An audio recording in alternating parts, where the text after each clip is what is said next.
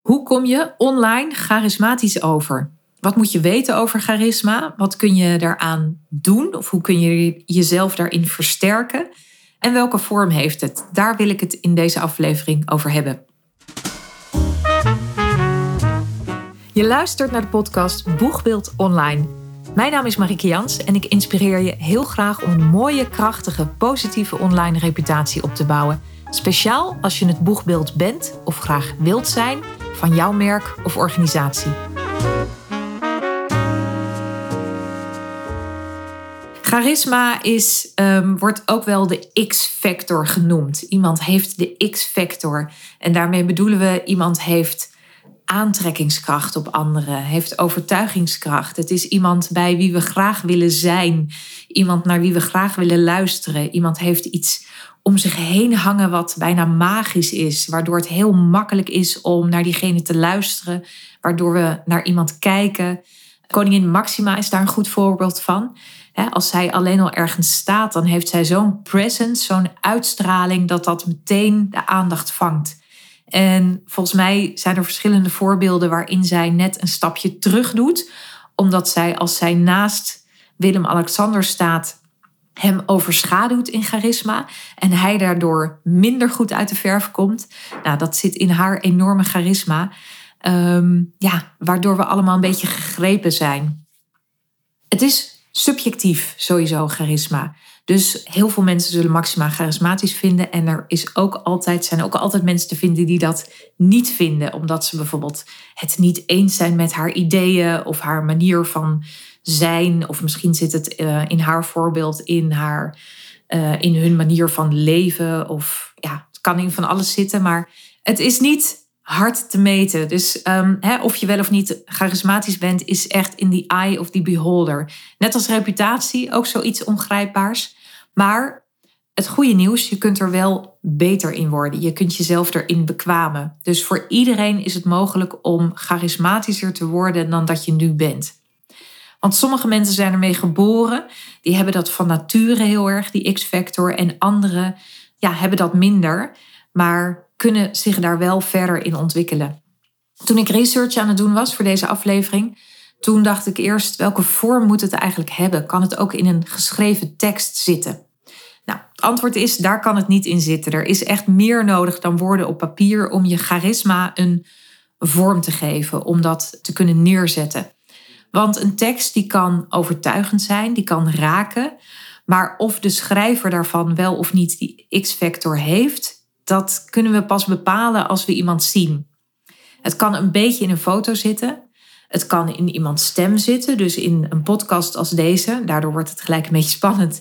Kun je best wel een idee hebben of iemand charismatisch overkomt of niet. Of hè, kan iemand die uitstraling op je hebben of niet. Maar de beste vorm daarvoor is natuurlijk een video.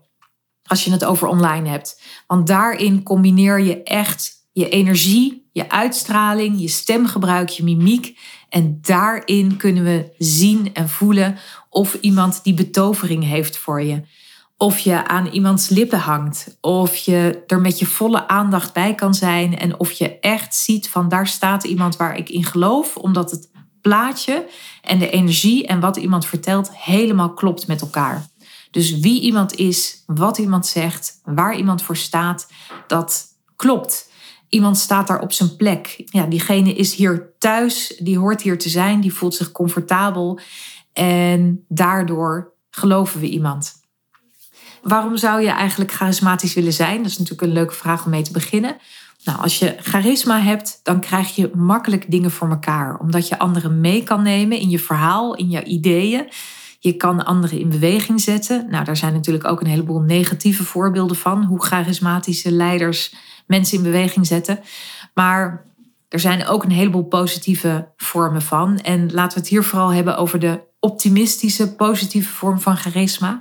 Dus de mensen die ons hoop geven, die ons vertrouwen geven, die een perspectief voorhouden waar we in mee kunnen gaan, wat, een, ja, hè, wat toewerkt naar een betere wereld. Dat is de mooiste vorm om het over te hebben. En een warme vorm van charisma. En wat ook leuk is ervan, als je charisma hebt, kwam ik tegen, dan kom je makkelijker weg met fouten. Dus de marge die je voor jezelf hebt om een fout te maken, die wordt groter. Omdat we, ja, je hebt gewoon meer credits opgebouwd bij je publiek. Ja, interessante vraag natuurlijk is, hoe kun je je charisma vergroten? Nou, als je kijkt naar wat charismatische leiders doen, dan is dat dat zij heel erg present zijn in het moment. ze zijn dus niet, ze stralen niet uit, ik wil eigenlijk ergens anders zijn of ik sta hier op een plek waar ik liever niet ben. Maar zij staan volkomen op hun plek. Dat is wat we zien. En ze vertellen hun verhaal in heldere woorden. Dus ze durven het echt duidelijk te communiceren. En daarvoor is het nodig dat je achter je boodschap staat, dat je daar echt in gelooft. En dan kun je ook één zijn met wat je vertelt.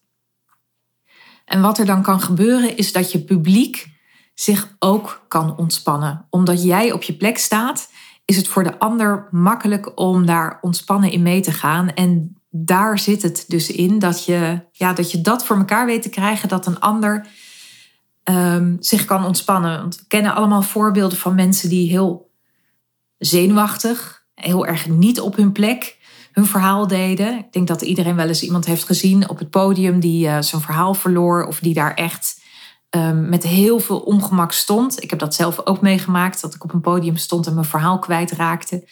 Of dat ik dacht dat ik daar stond en dat ik op dat moment dacht: wat een, wat een K-verhaal is dit eigenlijk wat ik sta te vertellen. Nou, dan, dan heb je het natuurlijk verloren, want dan kun je daar helemaal niet meer staan met overtuigingskrachten en charisma.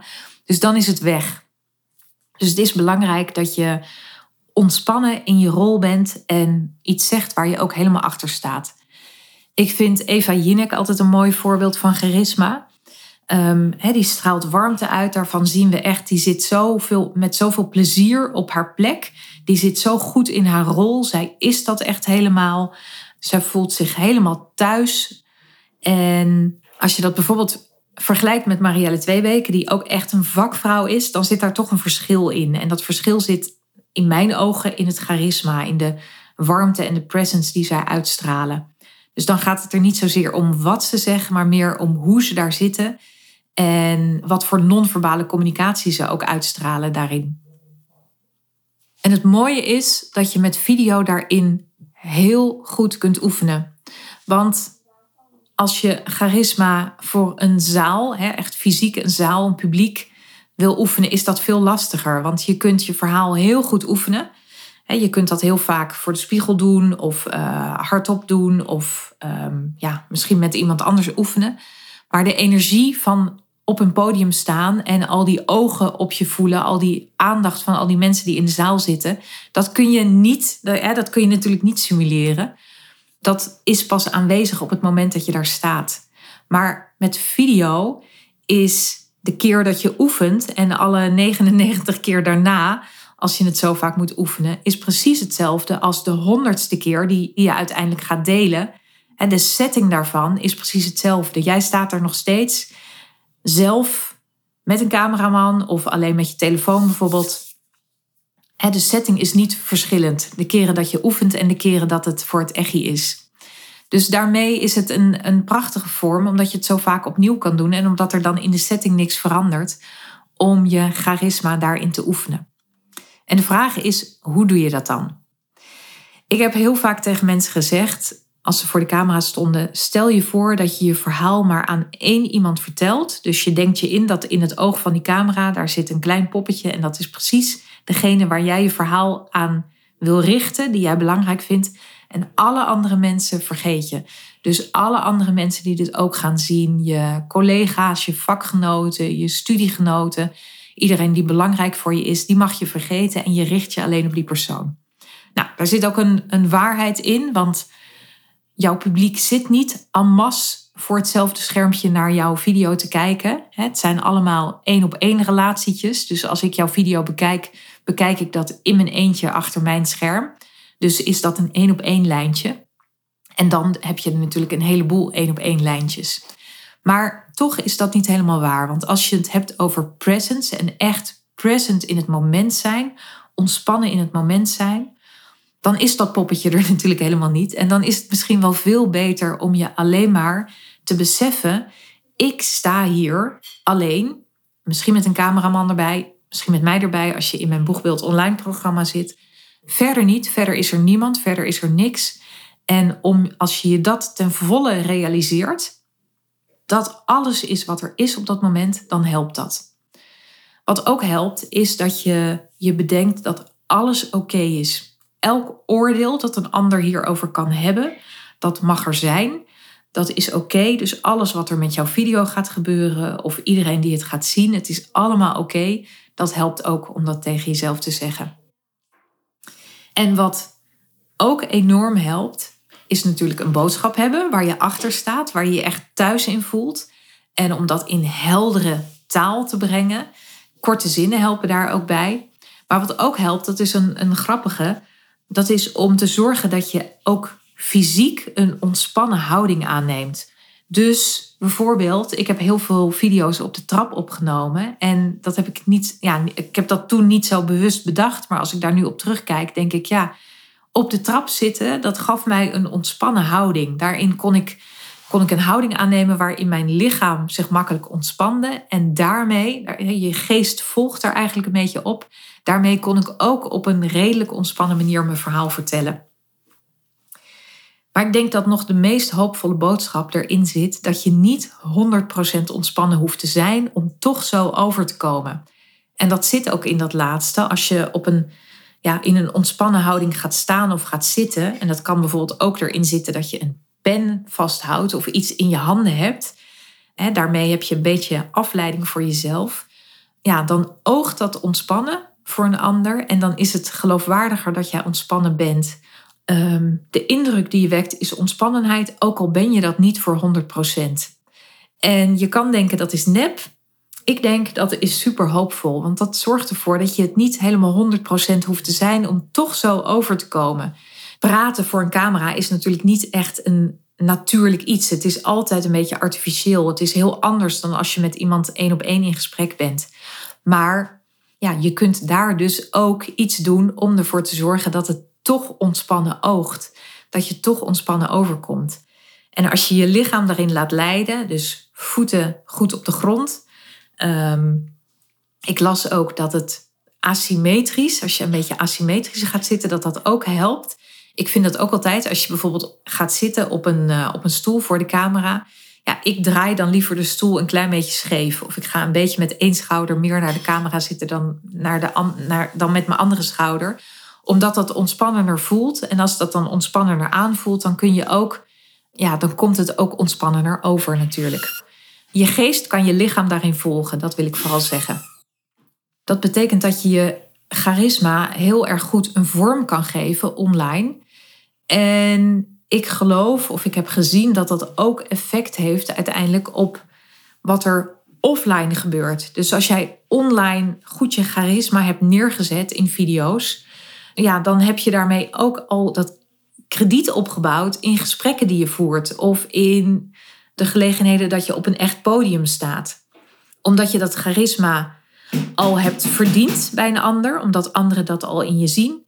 Maar ook omdat je dat zelf hebt geoefend en daarop terug kan vallen. Dus je hebt geoefend op dat ontspannen presenteren. Op wat is er nodig om het ontspannen over te doen laten komen dat is al, hè, dat heb je al een beetje in je systeem zitten. En misschien, hè, als je, als, om even terug te grijpen op dat voorbeeld van Eva Jinek.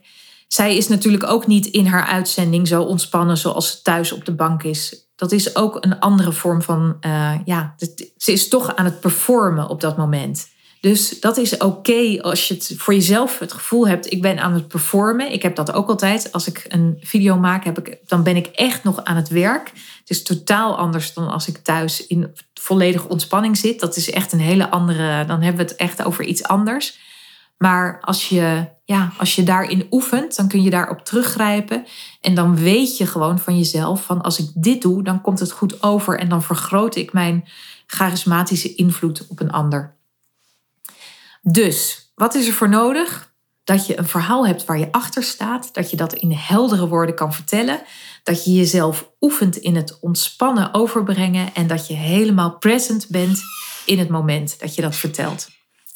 Tot zover. Ik hoop dat dit een, eh, een duidelijk een inspirerend verhaal voor je is. En dat je ook denkt: oké, mooi, ik kan dat dus echt gaan oefenen in video. Zelf heb ik over ehm, een week of twee, drie, een tweedaagse training die helemaal gaat over dat thema charisma en presence um, van een stemcoach.